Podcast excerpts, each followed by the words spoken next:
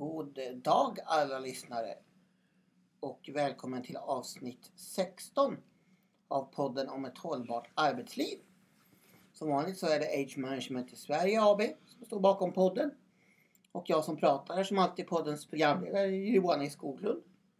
Och som alltid så har jag med mig våra två arbetsmiljöexperter, också de från Age Management i Sverige AB. Nämligen Kaj Skoglund. och Barbro Skoglund. Och det är ju så att eh, om man tittar i media, vilket man ju kan göra, så, eh, så hittar man ibland intressanta uppslag som kan leda till eh, ämnen som vi tycker att vi bör diskutera i denna podd. Och något som har varit på tapeten i många år men som har återkommit nu en hel del på sistone. Det är det här med sex timmars arbetsdag. Och en hel del eh, diskussioner kring det handlar ju också just om ett hållbart arbetsliv. Att ja men om man går ner i arbetstid då orkar man jobba längre och det här... Du menar man går ner i arbetstid? Jag sa det, om man går ner i arbetstid sa jag. Ja, jag tyckte du sa liv. Nej jag Jag sa arbetstid. Ja, vi är två mot en här. Jag tycker du vara liv också. Ja. Om man går ner i, arbets, i arbetstid i alla fall så, eh, så eh, kommer man då att kunna jobba, orka arbeta längre. Och därför tyck, tyckte jag att det skulle vara, vara intressant att eh, få höra vad våra experter säger om, om hur ser de på sex timmars arbetsdag och arbetstidsförkortning visavi ett hållbart arbetsliv. Så jag säger som alltid, bollen är fri. Vem vill, vem vill eh, hoppa på bollen? Jag kan ta den första serven.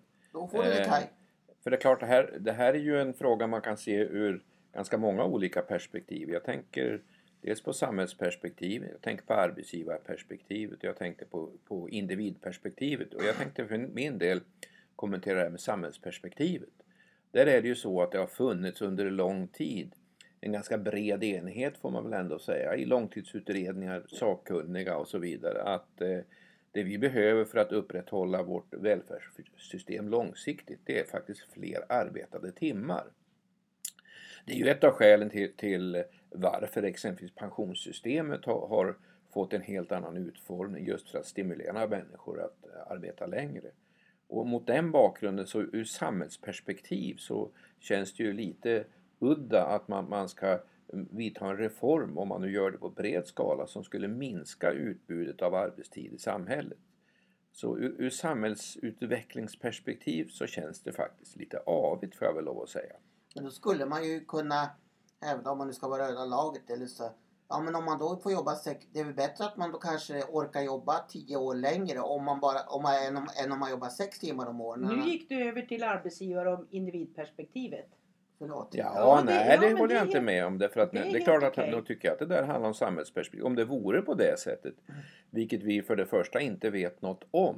Sen hör det ju till saken Vad vi inte vet något om. vi vet faktiskt ingenting om de långsiktiga effekterna av den här typen av arbetstidsförändringar. Men vi får inte heller glömma att vi har haft, alltså det är ju, vi brukar ju tala om 40 timmars arbetstid men det är ju ingalunda den självklara normen på arbets, ehm, eh, på, i arbetslivet idag. Det finns ju väldigt varierat utbud av arbetstidsmodeller. Nattpersonal jobbar ju exempelvis genomgående mindre än 40 timmar. Så att på ett sätt utgår det också från att det finns en 40 timmars norm på 8 timmar ska gå ner till 6 timmar. Men det är inte heller sant.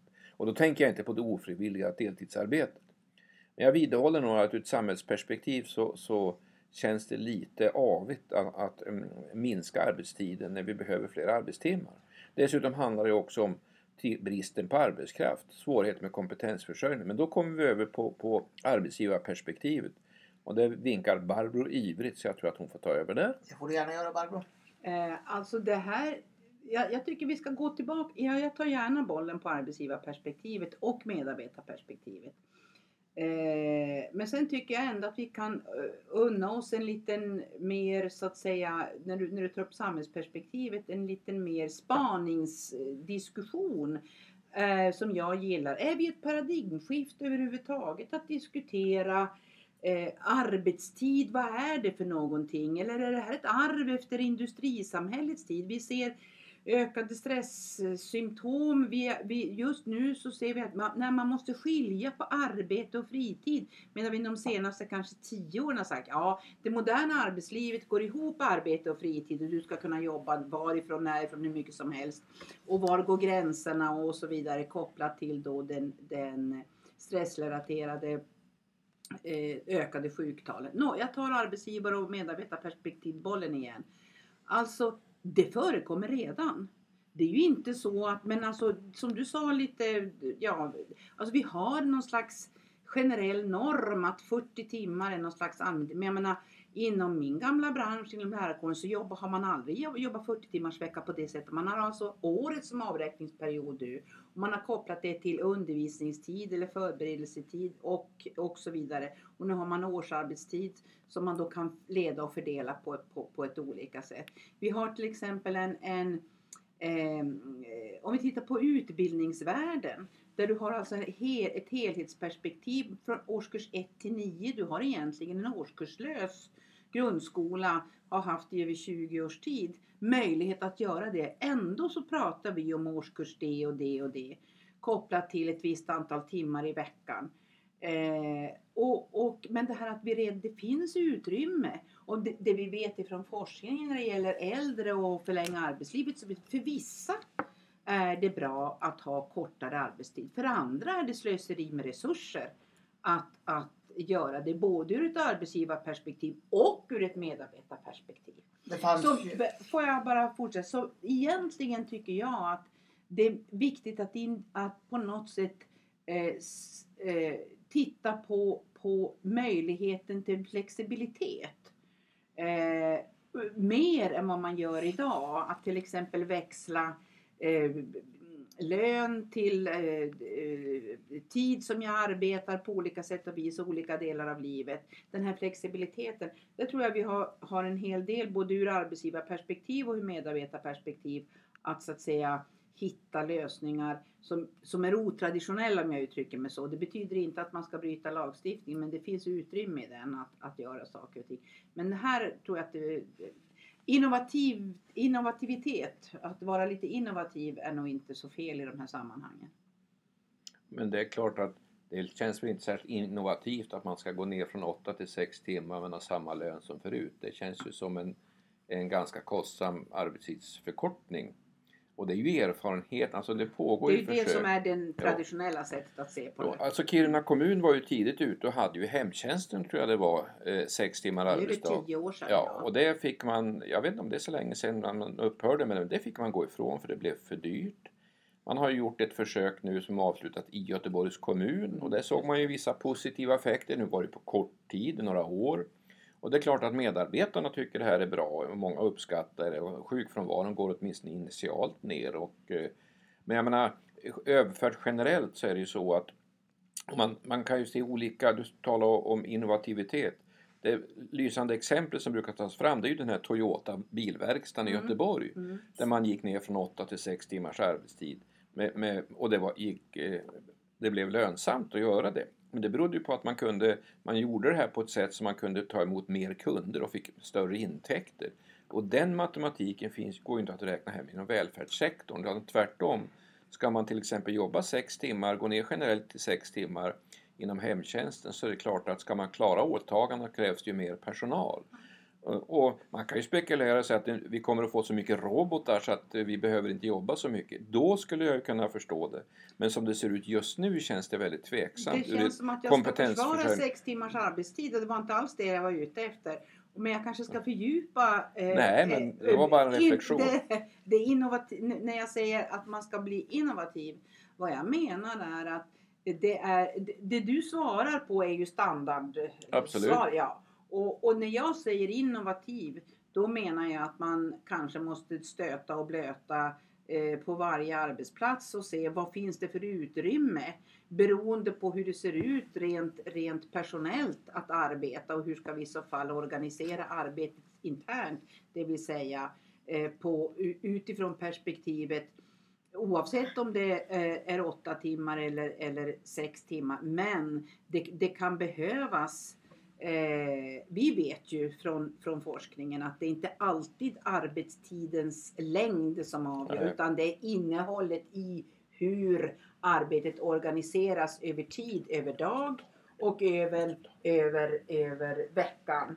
Yes. Eh, det vill säga att du behöver återhämtningsperioder beroende på hur, hur hårt du har arbetat. Och det, det reglerar man inte genom sex timmars arbetsdag eller åtta timmars arbetsdag. Det reglerar man genom att diskutera ledning och styrning, det vill säga hur eh, man organiserar det interna arbetet på arbetsplatsen. Yes. Jo, jag tänkte komma med några synpunkter som jag funderat på i det här ämnet. För det första så tänkte jag nämna bara det som också är intressant. Det som kallas för beting förr i tiden. Det var ju till exempel så att när jag växte upp så sa man att det var så, att ett bra arbete att jobba på det var posten. För det var ju så att på posten just var det så att när man hade delat ut dagens post då fick man gå hem och var man som, klar brev, som brevbärare. Var man klar 12 då kunde man gå hem 12 då var man klar. Och det där pekar också på individens, vad ska jag säga, individens individens olika, alltså det är också ett individperspektiv. Tänk då de som inte har, har, är lika snabba, alltså, då får ju de så att säga längre arbetstid och de som är då snabba på att dela ut posten får så att säga. Där var det, Och det var det trappstudset som Ja det beror också på vilket distrikt du har med trappstöd. Jag menar om du har villor ute på landsbygden Ja, och så. Och en annan aspekt som jag också vill ta upp det är det här att det har kommit ännu mera märkliga eller nyare versioner utav det här med arbetstidsförkortning. Senast var det ett företag som har bestämt sig för att om man, om, om, om, man, om, man, om man gör saker på fritiden, till exempel skottar snö eller liknande, så räknas det som motion.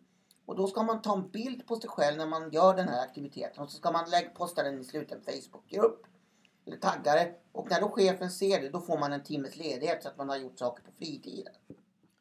Och det, är, Okej. och det är också en form av arbetstidsförkortning.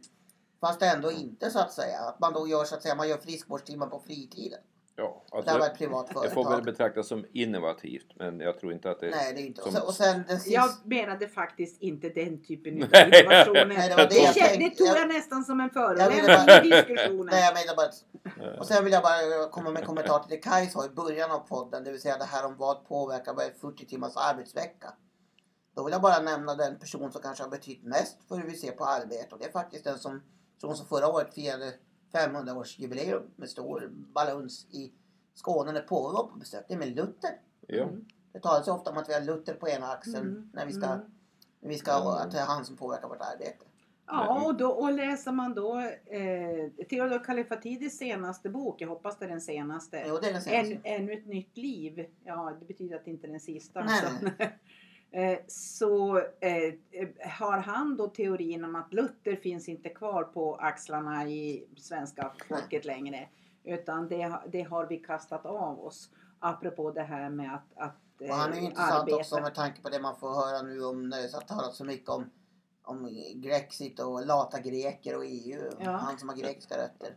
Men om jag, min sista kommentar är den att alltså jag tror att det finns verksamheter och branscher där det här med sex, timmar sex timmars eller sju timmars arbetsdag eller arbetstidsförkortning går att, att eh, utforma på ett sätt som gynnar både de anställda och arbetsgivaren.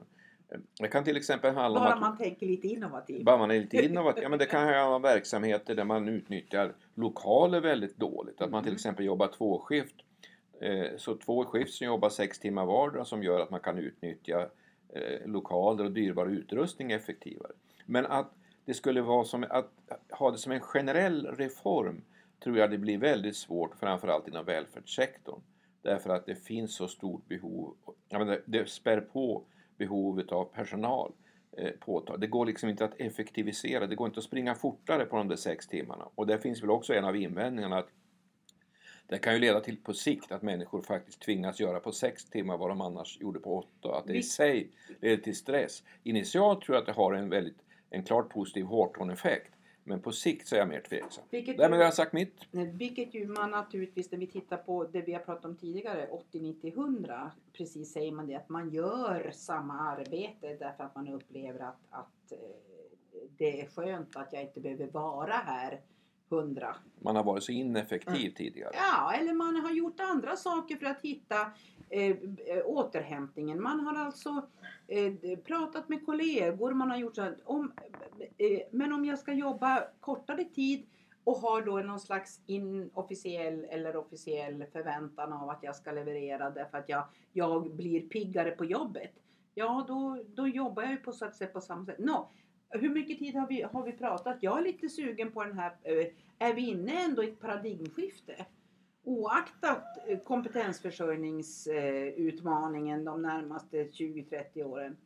Eh, alltså, Så jag tänkte på de närmaste 3 till 5 åren. Nu Näha. blir du långsiktig. här. ja men det är ju så här va. Alltså, det, vi är ju så gamla så att vi vet ju att det, det kan ju Ja. börja med den här typen av diskussion och sen så, så utvecklas det här någonting kopplat i, i, i det... Eh, Ja, det var ju väldigt mycket snack nu på sistone. Vi spelar Ja. in det här om robotarna, att de ska ta över och Bill Gates säger att han vill att man ska beskatta robotarna.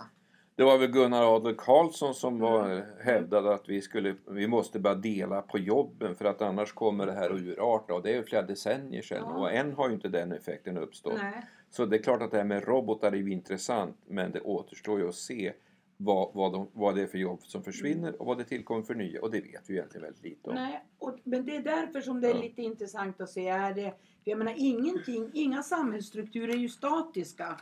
Det har väl de... Det, det, De som 20 delade på jobbet var ju faktiskt Björn och Benny. Ja. Det enda som är statiskt det är väl i så fall eh, Storbritanniens medlemskap i EU. Det går ju tydligen inte att ändra på. Nej, just det. Var, var det någon slags... Eh, Nej men det, det var bara ett, understöd, ett stöd till det du säger Ja. att nej, Nej, men jag bara- samhällsutveckling är inte Nej, men jag bara tänkte på, för det var ju så att när Stig Andersson ville anställa Björn Ulvaeus som skivproducent i början av 70-talet så sa han att jag kommer inte om jag, om jag, inte, får, om jag inte får ta med mig min vän Benny Andersson. Och så stickade han till Romme så då fick de dela på samma lön. och resten är historia! Resten är historia. Jag tänkte bara på det här om att, att två kan göra ens arbete eller så. Ja, okej. Ja, det var en Ja. bra avslutning. Ja, Vad ska vi göra nästa gång då? Nästa gång. Jo, eh, jag är ju en person som älskar att lösa korsord.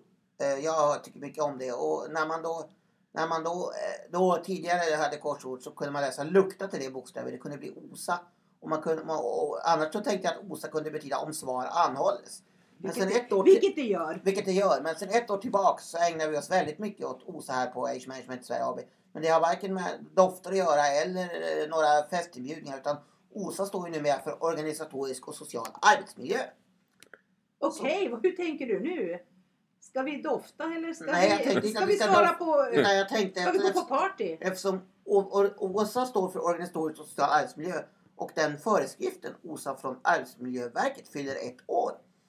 Och Ja, så, det gör den. så tänkte jag att Snart. vi skulle fira dess ettårsjubileum med en podd. Det vill säga vi ska prata lite om, eh, eftersom vi har eh, gjort en hel del som har med den att göra i olika uppdrag så tänkte jag att det kunde vara intressant om vi ja, gör en liten, gör, gör, gör en liten, vi helt enkelt, vi, vi, vi pratar om ettåringen. Hur mår Osa? Eh, Har hon några barnsjukdomar?